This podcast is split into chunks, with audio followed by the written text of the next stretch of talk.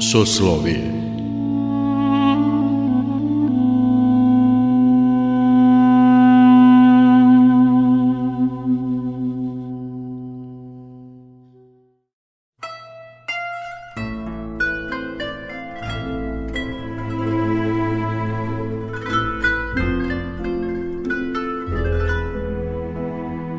Slušate Soslovije, religijski nedeljnik Radio Novog Sada. Dobrodošlicu vam želi Mirjana Ranković. Ove nedelje slušamo životnu priču rediteljke i scenaristkinje filma Božji čovek Jelene Popović. Od Žarkova i Beograda preko Amerike, Los Angelesa i Hollywooda do Atine.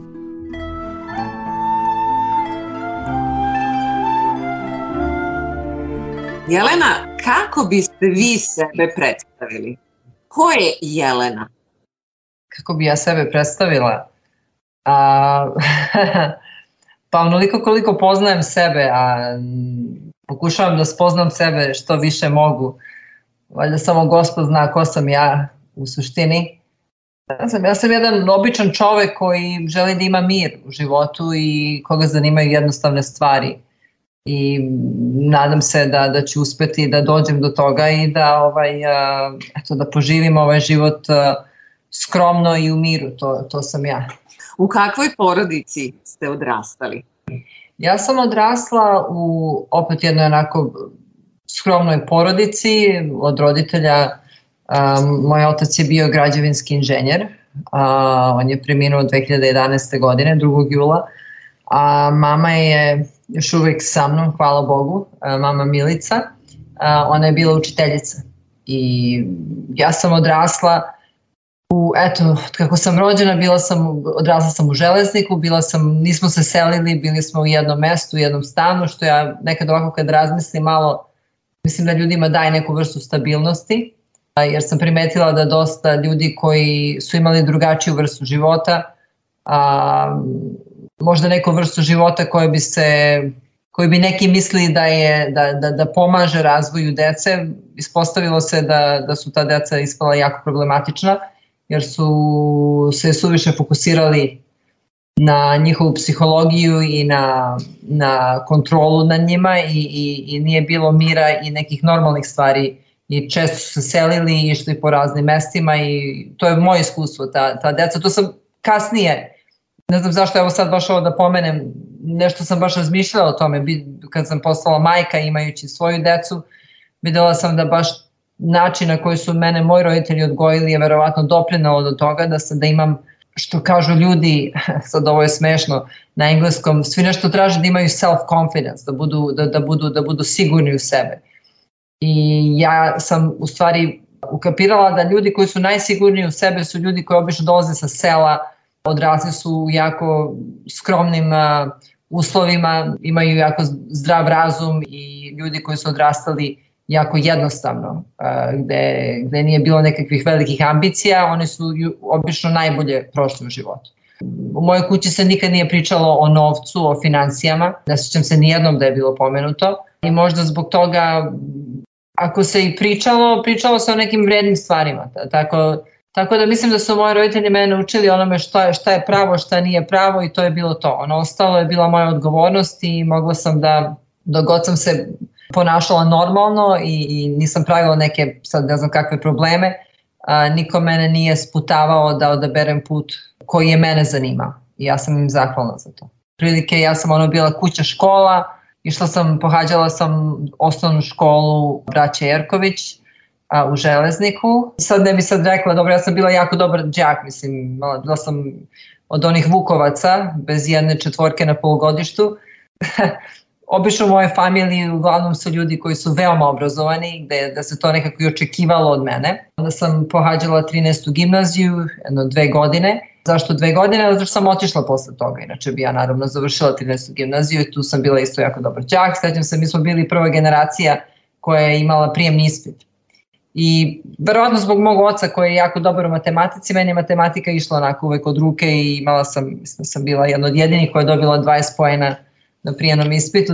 Tako da kad sam ja otišla i znam da je verovatno to mojim roditeljima nije bilo lako, ja sam eto bila neki, kako, kako da kažu, kapacitet za, za studije i te stvari, ovaj, ja sam odlučila da krenem jednim totalno drugim putem koji niko nije očekivao da će da se dogodi. Ali ja sam imala neki osjećaj u duši da tako treba da bude. Kako se to desilo?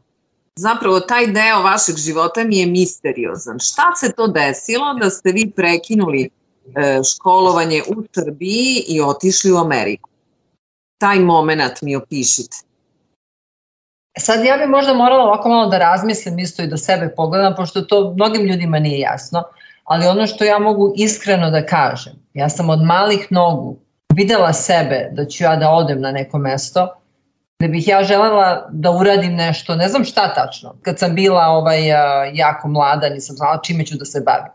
Ali sećam se jednom da sam u jednom momentu i sećam se toga, ja se ne sećam mnogih stvari.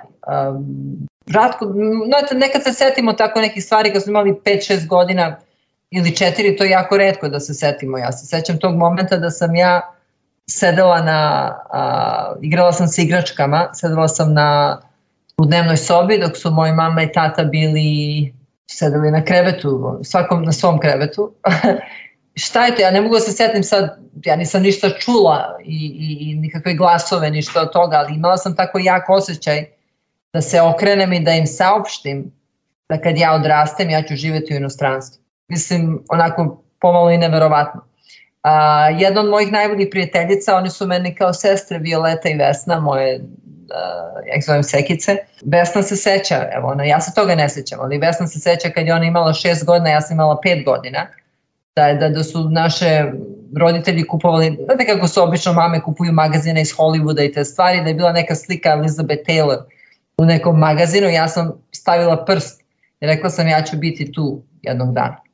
Dete od pet godina, mislim, to je, znači, znači nešto, nešto je postojalo što je mene, što mi je davalo neke informacije, postoji, nije postojalo, to još uvijek postoji i uvijek će postojati za svakoga na ovom svetu, ali kažem, očigledno sam imala, imam otvoreni neki um za ili, ili srce za neke stvari i, i to nisu halucinacije, nikad u životu nisam čula glasove, ni, ali, ali jednostavno to je tako neki jak osjećaj u srcu koji je, koji je smiren onako i, i, i, i to je to i tu nema sumnje da će, da će se to desiti. Ja, sam, to je jedino na način na koji ja mogu da objasnim. I onda, I onda je posle, nisam razmišljala o tim stvari, nisam ja sad odrastala, sećala se toga, nego jednostavno e, stvari su se odvijale određenim tokom. Ja sam se bavila i glumom i kao um, Znam da me to jako zanimalo u školi, u, u osnovnoj školi. Ja sam išla na takmičenje sa pozorištem, mi smo čak i pobedili, dobili smo nagradu u Srbiji kao mladi glumci. Ja sam tada imala koliko, 13-14 godina ili tako nešto, možda i 12, ne mogu da se setim. Ali mene su pozvali posle tog nastupa da, da studiram glumu a, u jednom od tih mesta gde se deca pripremaju znači, za akademiju kasnije, za taj fakultet dramske umetnosti kasnije. I sećam se pošto ja sam živela u Železniku, to je ipak 40 sat vremena od, od centra grada, ali opet da kažem, moji roditelji nisu, oni su bili jednostavni ljudi. Mene su pozvali, ja sam otišla nekoliko puta, da, meni je sve to bilo lepo, ali sada idem sat vremena da, da idem u jednom pravcu i drugom. Nije, nije mi se baš išlo, tako da sam onda ja to prekinula. Ali u jednom momentu, eto, kad sam je napunila tih 15 godina, tako sam nekako izrasla i, i izgledala sam onako kao manekinka u tom jednom momentu i onda me valjda eto i to, to, to se desilo pa su me zvali za neke revije i za, za časopise i onda je, onda je to krenulo kod nas u toj našoj bivšoj Jugoslaviji stvari nisu bile baš najpovoljnije, strašne stvari su se događale i ja sam imala neki osjećaj da ja treba da odem iz zemlje i da je možda ta moda meni šansa da ja krenem i da idem tamo gde, eto, da, da možda uradim nešto, napravim nešto, i da pomognem i svojoj familiji i sebi i uvek je tu meni negde moj otac bio u glavi koji je bio uh, neverovatan stručnjak, poznati građevinski inženjer koji eto nije iskoristio to svoje znanje da, da nešto materijalno i finansijski napravi. Njemu su nuđeni i stanovi i, i kuće i gradovi i ja, ja imam mnogo poštovanja za to i ne pričam o tim stvarima, slažem se s njim da on nije trebao to da uzme, zato što mu je nuđeno, ali pričam da je mogao možda da radi projekte privatno, ja sam čak mog brata pitala zašto Rajka, da li, da li si kad njega pitao, on je toliki talent bio, ljudima trebaju statičari, znači za, kad, se, kad se prave putevi, kuće, bilo, bilo šta, mislim, tržni centri, on je bio najbolji, zaista najbolji, to su svi znali.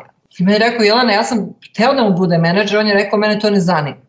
I sad, šta si ti mogao da radiš sa njim? Ništa, on je, on je, on je imao svoje znanje i, i, i to je bilo to i radio je u toj maloj fabrici. Možda sad u mojoj glavi je bilo, eto vidiš ovakav, i, to, i toga sam se naslušala sa strane uh, i u mojoj familiji, eto vidiš takav čovek pa kako trebao bi da bude nagrađen. Ta priča je kružila i onda verovatno i to mene negde postreklo da, da krenem da odem na neko drugo mesto gde možda će se trud i pošten rad nagraditi. To je nešto bilo dubinski u meni, da ja sam osjećala ja moram da odem. I to sad ja ne mogu da objasnim kako da objasnim to. Ja nisam bežala ni od koga, nisam, ali, ali to je jednostavno takav osjećaj jak bio da ja treba da odem i to je to.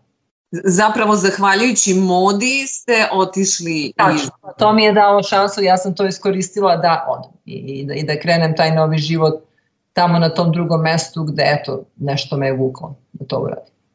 I zapravo da vaš otac nije imao takav karakter kakav je imao, vi zapravo ne biste ni dobili taj poriv u sebi da odete i da budete to što jeste i da njegova biografija zapravo nije bila takva kakva je, verovatno vas ne bi ni ta priča o svetom, žitije svetog nektarija Eginskog toliko to tako. Pa verovatno, verovatno. Ništa nije slučajno, apsolutno. to je, to, s tim se slažem.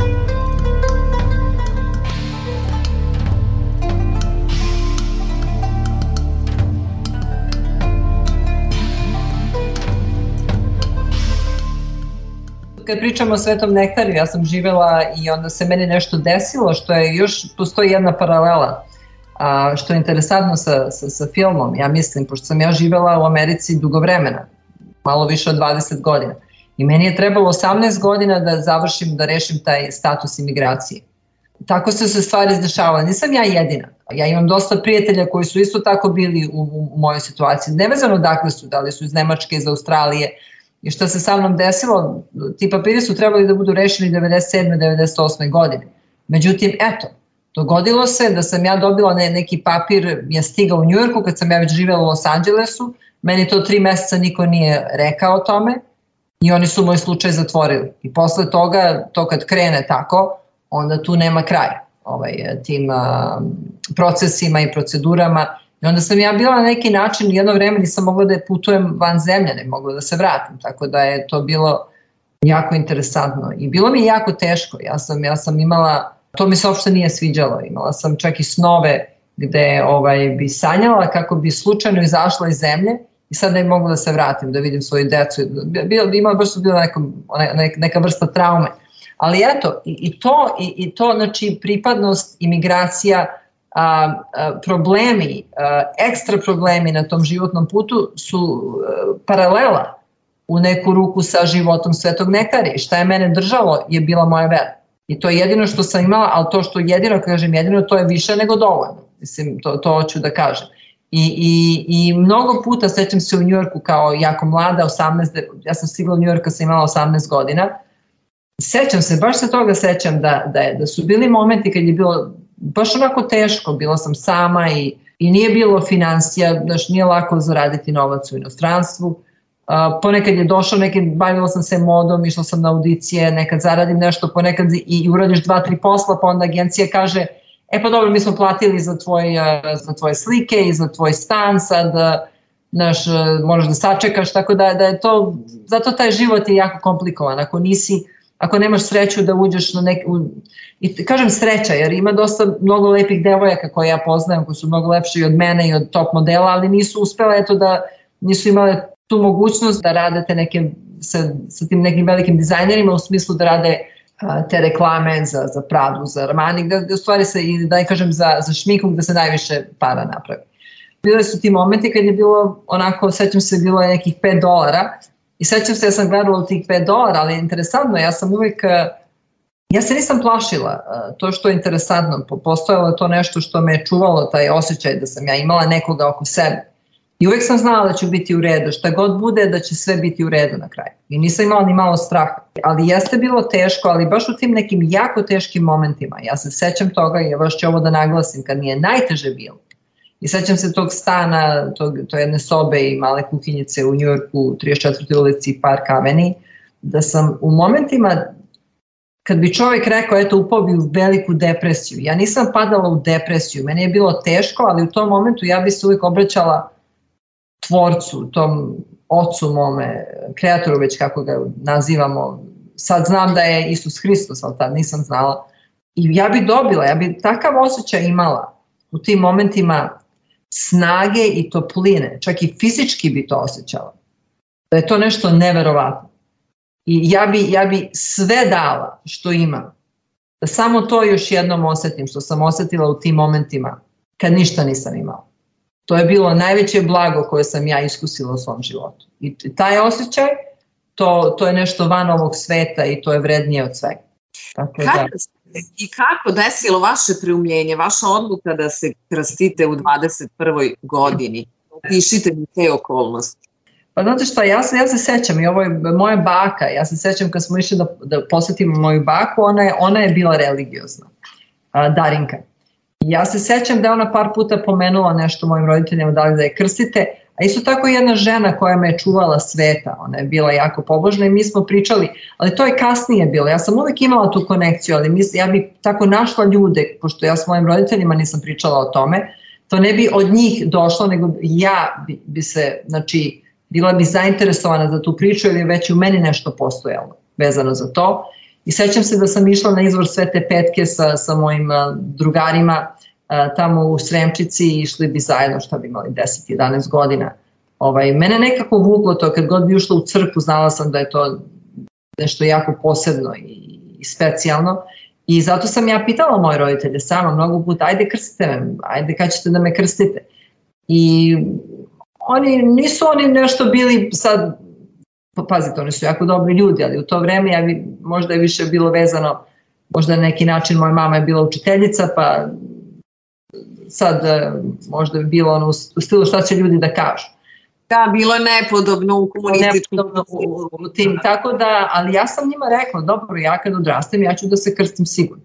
Tako da mi je to ovaj ostalo u glavi i ja u toj 21. godini, pošto sam ja prolazila, pošto nisam ništa znala o pravoslavlju, Iako sam ja odrasla u pravoslavnoj zemlji, zaista ništa nisam znala ko je Hrisus Hristos, nisam znala ko je presveta Bogorodica, sveci, samo sam znala da postoji Bog i, i imala sam taj osjećaj da je, da, je, da je tu oko mene. Onda sam ja u stvari saznala uh, ko je Isus Hristos kad sam pročitala sveto pismo. Prvi put sam pročitala sveto pismo, zapravo ko je meni dao sveto pismo, su bila dva uh, prosjaka na ulici u Majamiju, kad sam ja s njima, to je, to je, to je bilo, oni su, oni su bili pozvani čak iako su bili prosvjeci da sednu na jednu večeru sa nama, Ja se sećam da sam, da sam ja samo s njima dvojicom pričala, mene ništa drugo nije zanimalo sam s njima da pričam, a ovi drugi tamo kao neki važni likovi, to mene uopšte nije zanimalo, iako sam se bavila modom, vidi kakva kontradikcija. Znači ja, ja idem u jednu, jednu stranu sa ovim, a ovo me u stvari uopšte ne zanima. A imam ambiciju, a u stvari ono što me najviše zanima je, je, je taj neki duhovni život. I toga sam ja posle, i, i, i to je istina ovo što govorim, pošto ja imam, ja imam, ja kad pogledam u svoj dnevnik, ja sam samo pisala gospodu i o njemu i ništa drugo. Nijednom ja nisam napisala o glumi, modi, od, ni, ni o čemu. Samo sam o njemu pisala. Znači od svoje 16. od kako sam otišla. Tako da sam ja očigledno poprekla neke lončiće negde, ali dobro, ali ja sam otišla tim putem i postoji ovaj, eh, po, po, you know, postojala određena ambicija, ja imam jak karakter, pa ako ja nešto krenem, ja hoću da završim i zašto da ne i sve to lepo. Tako da je to, to, je, to je interesantna kontradikcija bila u mo, moje ličnosti, što ja isto posmatram i sama se čudim tome. Jer, jer na jednu stranu idem znači, u taj svet koji je jako materijalan, a u drugu stranu volim da budem sama i da nemam nikoga od sebe i da sedim u crkvi i da se molim. Mislim, pazi kako je sad to interesantna priča. Zato sam ja na, na toj večeri, kad su, kad su svi se sjatili toj večeri, mene samo ta dva prosjeka zanimala. I to je bilo interesantno, pošto sam ja samo s tim dvojicom pričala i oni su meni rekli, to je neverovatna priča bila. Znači dvojica, to, to ja ne znam da su oni uopšte bili stvarni ovo, kad, kad se setim nazad, ko su ti ljudi bili? Jedan je imao neki krst na čelu, neki ožiljak, neku kapu, ovaj drugi je, i pazi, oni sad meni govore priču, kaže, ovo, evo ti, ja, mi, mi sad već raspravljamo o Hristu, o gospodu Isusu Hristu, ja sam već čula o njemu i sad mene ta priča toliko povukla i sad oni meni govore, ko šta vi radite? Kaže, oni meni govore, ne, mi nosimo krst, pazi sad ovu priču, mi nosimo krst, ovde zove se Ocean Drive i ta, tu najviše grešnika ima. Kaže, i tu moramo da stavimo na leđa, ba, ba, bez to, ovo je verovatno, ja sam to tu, ja, ja oduševljena, ovaj. Stavimo na leđa i onda mi tu idemo i onda totalno, naravno, svi nas pljuju i ne mogu da veruju, ali tu mi moramo da pronesemo taj krst na leđima i da propovedamo evanđelje. Naravno, za mene oni su bili heroji, znaš, ja sedim, onda sam užla u tu priču i sad oni meni kažu, ka, njihovu priču, evo, ovo je prosto neverovatno, ja rekao, pa šta ti radi, kaže, ovaj čovjek mi kaže, vidi, vidi ovo na čelu šta ima, ti vidiš ovaj ožiljak u obliku krsta, rekao, pa vidim, mislim, celo, celo mu lice, u, u, mislim, ožiljak gore dole, mislim, prekrivenje ožiljka. Kaže, ja sam imao, jedan i drugi su imali, znači umrli su bili. Je, ovaj, je, ovaj, ovaj se slupao negde s motorom, I to mu je taj ožiljak i otišao je video i gospoda, znači bio je, bio je drogeraš, bio je manijak, bio je, nikoga nije slušao i, i znači umro je, video je gospoda, vratio se i od tog momenta sve je ostavio i samo propoveda Hrista. Ovaj drugi isto je bio na kokainu, umro, vratio se video go, znači njih dvojica su se našli, sad zamislite tu priču i sad ja sedim tu, ja ja razgovaram sa njima, ja sam oduševljena do maksimuma. I oni meni kažu, evo ti, evo ti Biblija. I oni meni daju moju prvu Bibliju. Sad, ozbiljno, ja sad, mislim, možeš film da napraviš o me, ako je ova priča. Pa, mislim, neverovatno. I sad ja se sećam, ja, ja se sećam čak i, i vidim, oni nisu imali ni miris, ja se sećam tog mirisa njihova, ja rekao, gde vi živite? Kaže, mi živimo u kolima. Rekao, znači vi idete u kolima, kaže, mi samo to radimo, to je do, do kraja života samo ćemo to da radimo. Ali oni su bili, ali oni su bili toliko čisti. Znači nije bilo nikakvog, ja, ja ne mogu, ja ne znam da su to stvarno bili ljudi ili anđeli sad kad, kad, kad, kad pogledam nazad ovaj. Ali dobro, sad, sad to je sad, neću sad ulazim u neke nenormalne priče. Tako da sam uzela to sve i tu sam pročitala sve to pismo i onda sam ja propovedala gde god da sam bila u tim krugovima, pogotovo umetnika i tim mestima. Da, I što, moda, umetnost, moda, muzika, oni svi onako u, u gotici, crno obučeni, neki, a ja propovedam Hrista. Ali pazi što je interesantno, oni su svi zaista to slušali. Jer ja mogu da garantujem da sam ja ušla u društvo inteligencije i advokata i, i biznesmena, niko mene ne bi saslušao, niti bi mi dao jedan sekund da kažem nešto, ali oni su ipak slušali, jer ti koji su umetničke duše, pogubljeni, oni u stvari traže Bog, što je, što je, što je interesantno. I to je što oni traže kroz taj njihov a, život, da li, da li su na nekoj substanciji, da li e, nije im lak život, ali su otvarači nešto, ne, kapiraju da nešto ovde nije u redu. Kapiraju da ovaj život je jako težak i može da bude jako problematičan i da, i da mora da postoji neki izlaz odavde. Tako da ovi drugi što samo misle o novcu, oni, oni ne misle na te stvari. Tako da, tako da se ja sa tim nisam ni družila sa tom drugom stranom, nikada i to me nije privlačilo. E onda u 21. godini da ću se krstim i naravno neću da odem da se krstim sad u nekoj drugoj crkvi, ja sam ipak srpkinja, rođena i sećam se moja drugarica Slavica je došla i rekla ajde idi ovde otac Petar i ja sam otišla u 21. godini i krstila se u, u crkvi Svetog Save u Los Angelesu, odnosno mesto se zove St. Gabriel, to je pored Los Angelesa odmah, u okviru Los Angeles County, ali ipak ni tad nisam stupila u crkveni život. I onda tek posle kad se, kad se moj prvi sin rodio, Mihajlo, mene jedna moja druga drugarica pozvala, koja je tada išla, mi smo se družili ona je, ona je bila u tim nekim, isto bila umetnik i ne znam nija šta, ali ona nije imala nikakvu veru i sećam se da se ona uvijek meni smejala. Da je govorila joj Jelena ti s tom tvojom pričom. Mislim, i ona i njen muž, mislim, to je, to je bilo, prvo sam bila fenomen jer ja sam jedina trezna bila, mene stvarno nikad nije privlačio ni alkohol, ni droga, to, to, to mene ništa nije značilo. Ali interesantna stvar da, bila sam u društvu ljudi koji su bili pod, pod narkoticima, ali mi nije smetalo. Nekako tva frekvencija, ako sam ja bila jedina trezna u toj sobi, meni nisu oni smetali, mene su posle neke druge stvari u životu mnogo više zasmetale od toga što ću i da kažem i reći ću ono što mislim, nemam problema. I onda posle, znači Slovenka me zove i kaže Jelena, ajde ja sam sad u crkvi, sad je ona u crkvi, hvala Bogu, ona se našla, ona ide u našu crkvu, čak peva u horu i kaže ajde treba da dođeš, uh, jer ti znaš nešto o crkvi, rekao pa je, mislim šta je, kaže, ona meni kaže pa znam da ti ideš i, i pričaš o, o gospodu i mnogi, mnogi ljudima stvarno i pomogla, ja zaista jesam, ja, ja sam jedno, znam četiri čoveka koji više nisu koristili drogu. To, to je bilo, i to ozbiljne stvari. Ja sam ja s njima pričala i, i pomagala im i ja imam inače to u sebi, ja volim da pomognem čoveku. To mi nekako uh, daje najviše pouzdanja. Ja kad bi mogla da radim za džabe, da me niko ne plati, a da mogu da živim, ja bi to radio. Samo da novac nije u pitanju. Ne znam zašto, sa, ja i novac smo ko dva najveća neprijatelja ovog sveta, ali dobro nema veze, ali potreban je jer, ovaj, jer moramo da živimo od. Da, i onda, znači, i onda sam rekla, ajde doći ću, kad mi već kažeš, kaže ti ne šta je pričašće, šta je, ja rekao ne znam šta je pričašće, šta je ispovest, moraš i ubedi me da se ispovedim i da se pričastim. I to je taj moment bio, ja sam to već pomenula kad, kad sam ja osetila tu blagodat, a, i meni je bilo sve jasno, ja od tada, to je bilo 2000 i 2000. godine, tada sam ono baš stupila a, u duhovnu borbu, pošto sam ja neko ko dolazi iz a, prostora i vremena e, gde, gde se nije živelo crkvenim životom, tako da morala sam da... Da se kali. Da, da, da se kalim, tačno.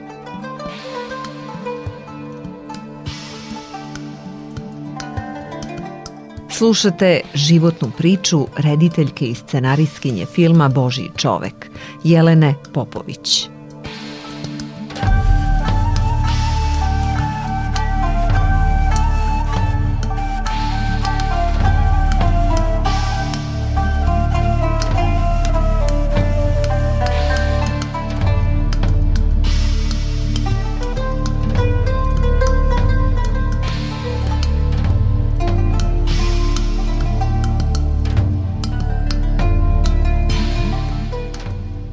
Ali, ali posle kasnije ja sam uletela, pošto sam se, kao ja sam se sad venčala, ja sam sad u crkvenom životu, Aha. I sad, zahvaljujući mojem, moje ljudima koji su počeli da budu oko mene, uključujući u moje familiji, počelo se priča o novcu i o biznisu.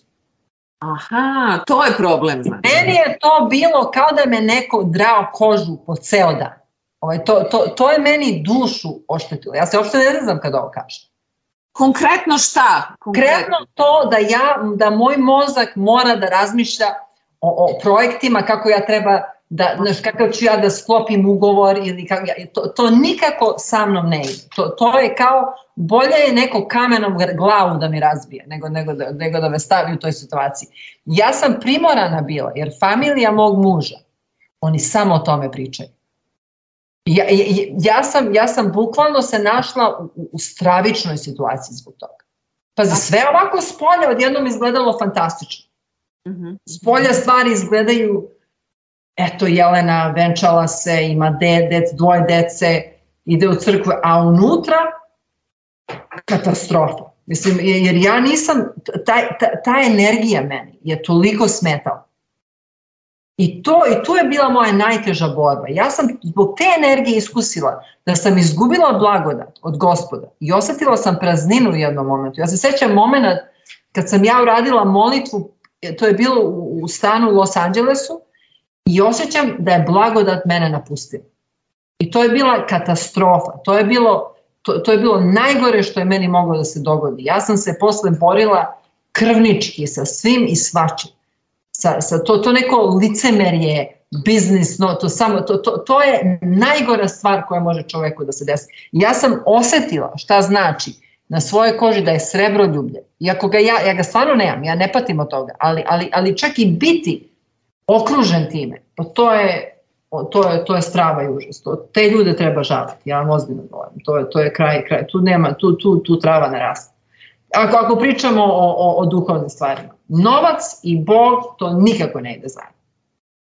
I možda zato i tu ima malo e, te moje crte, Sveti Nektar je naravno, on je, ovaj, e, njemu slava i novac nisu bili važni, znaš, bili su važni nekim drugim likovima u toj priči a, koji su bili pozvani na, na veliki podvig, veliki podvig, a, biti arhimandrit, biti vladika, to je veliko, to je za poštovanje, ali kad takav čovek padne zbog, zbog vlasti, zbog željem za vlast, to je, to je, to je gore od, od, od, od bilo kog drugog biznismena u, u, u sferi.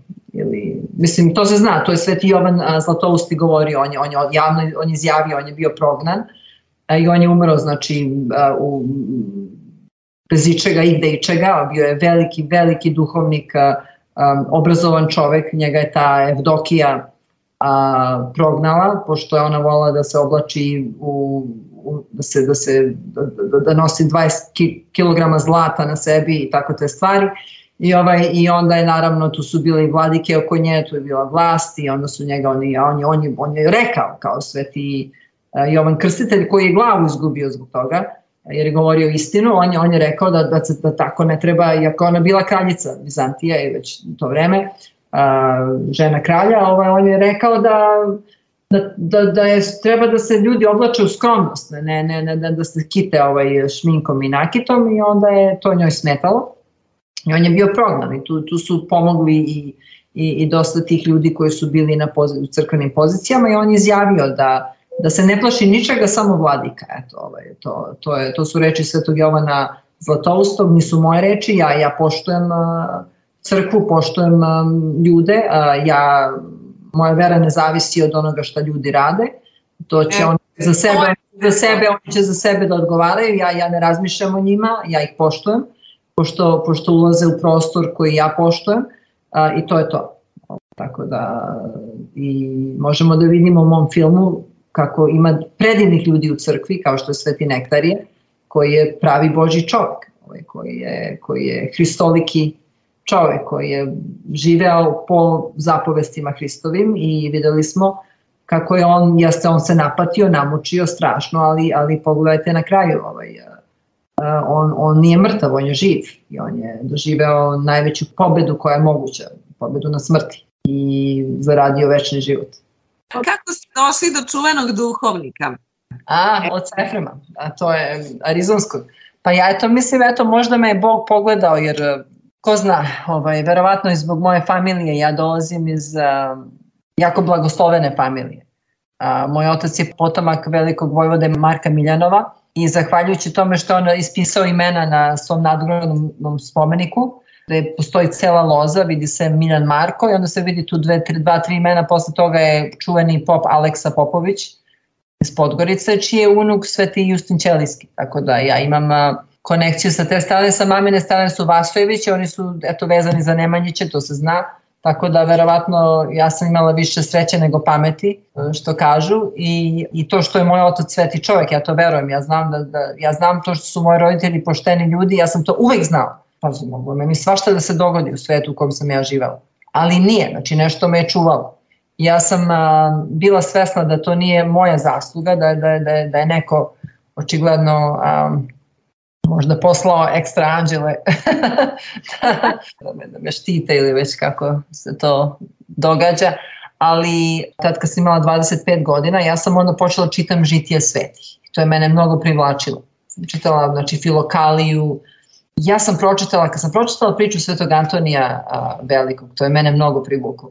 Jer zato što je on borac, ja volim borce, ja volim ljude koji su, koji se junački odnosi. I on je, znači, on je takav obračun imao sa nečistim silama, do te mere on je, znači, on je otac monaštva. Onako, čitate njegovo žitije, ja bi to svakome preporučila, mislim, to je prosto neverovatno. I on je mene mnogo zadivio I, I onda sam ja čula da postoji manastir Svetog Antonija negde tu u Arizoni blizu Kalifornije. Ja sam odlučila po svaku cenu. Ja moram da odem u manastir Svetog Antonija. Znači, možda me je Sveti Antonij, eto, pozvao, ko zna.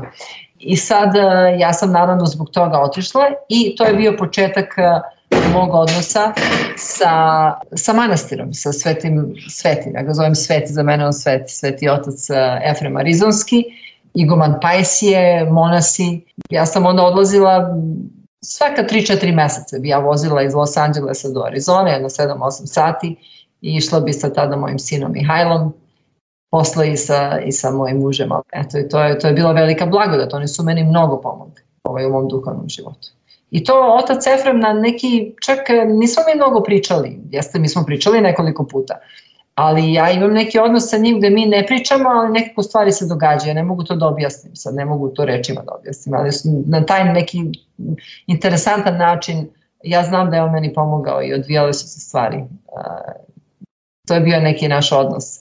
Da se on tako uvek pojavi negde, ni odakle i tako te stvari i onda, na primjer, jednom sam odlučila bila da sam, pošto ja sam znala u kakvom sam ja stanju bila duhovnom i on je služio liturgiju a, u četiri ujutru tad kad je bio, imao više snage u, u svojoj kapeli Svetog Pantelemona gde on živeo tu, kapeli, pored te kapele, a, u sklopu te kapele da kažem i on je služio samo za žene liturgiju u četiri ujutru. Ja se sećam jednog dana, ja sam mislim, jao, to je fantastično, sad ću ja dođem, ja ću da stojim skroz na kraju ali nikako da sačuvaj Bože da se ja pričestim, ja sam još daleko od bilo kakvog savršenstva, znaš, ja sam bila jako, ali vidite, e, to je ponos isto. Kad ti misliš, sad tu sam ja to ukapirala, kad ti misliš da, ti, da si ti toliko, do, to je sve lepo, ali, ali ja nikako nisam htela, ja sam se držala samo da uđem da se pomogam. I zamislite sad ovo, ja dolazim, tu smo mi i možda deset drugih žena ulazimo. I pre nego što ulazimo u kapelu u četiri ujutru, stoji monah ispred i kaže, otac Efrem je danas naredio, ovako se on kaže, da kogod uđe u kapelu, makar, makar i ubio nekog juče, mora da se pričesti. Aj jao. I sad ja ulazim tamo, ja ne znam gde se nalazim, tako moj, moj odnos sa njim je bio jako interesantan. Tako da, da sam ja onda kapirala koliko je važno sve to pričešće. Koliko je u stvari sve to pričešće, pogotovo kad, kad smo u, u tim početničkim fazama, Naravno, sad ako duhovni otac, ne, ja, ne, ja nisam duhovnik, ja ne dajem nikom savete, ja, čovek treba slušati, ljudi trebaju da imaju duhovnika i da rade ono što im duhovnik kaže, ne što im ja kažem. Ali ja samo ovo iznosim nevezano, ja ne dajem nikome savet. E, moj savet je da se slušaju svog duhovnika, to je najvažnije, poslušanje iznad svega. Ali ono što ću da kažem, ja sam tu videla koliko je važno ne odstupati od pričašća, Jer, jer koliko pričešće u stvari, to se ne primećuje na početku, ali koliko, pogotovo kad prolazimo kroz neku krvavu borbu sa samim sobom, sa svojim znači, tim gresima i svim demonima koji nas popadaju, koliko sve to pričešće, ako čovek stvarno ima želju da se približi Bogu, ja ne bi odstupala. Ja znam da, da svaki pravi duhovnik će da da dobar savet tom vojniku na putu ka, ka istini Znači, jer to, je, to je u stvari oružje naše protiv, protiv neprijatelja. I zato nije dobro kad ljudi, to je po mom mišljenju, kažu, joj, meni je dosta jednom u šest meseci, jednom godinu dana. Ne, ne, ne, ne, ne, to nije dosta. Verujte mi, to, to su tako strašne sile tamo da, da, da nama treba oružje da, da se borimo protiv, protiv toga. Inače, onda, onda se dogodi nešto što je, to onda dolazi iz gordosti u stvari da mi mislimo, to je jako opasno jer, jer ovaj, nečastivi jako lukav, on, onda se svih strana napada i onda znaš, mi možemo da mislimo da radimo nešto dobro i jako lako smo na, na jako da. lošem putu i samim time a, nas ubacuje u, u stavlja nas na put da nemamo zaštitu.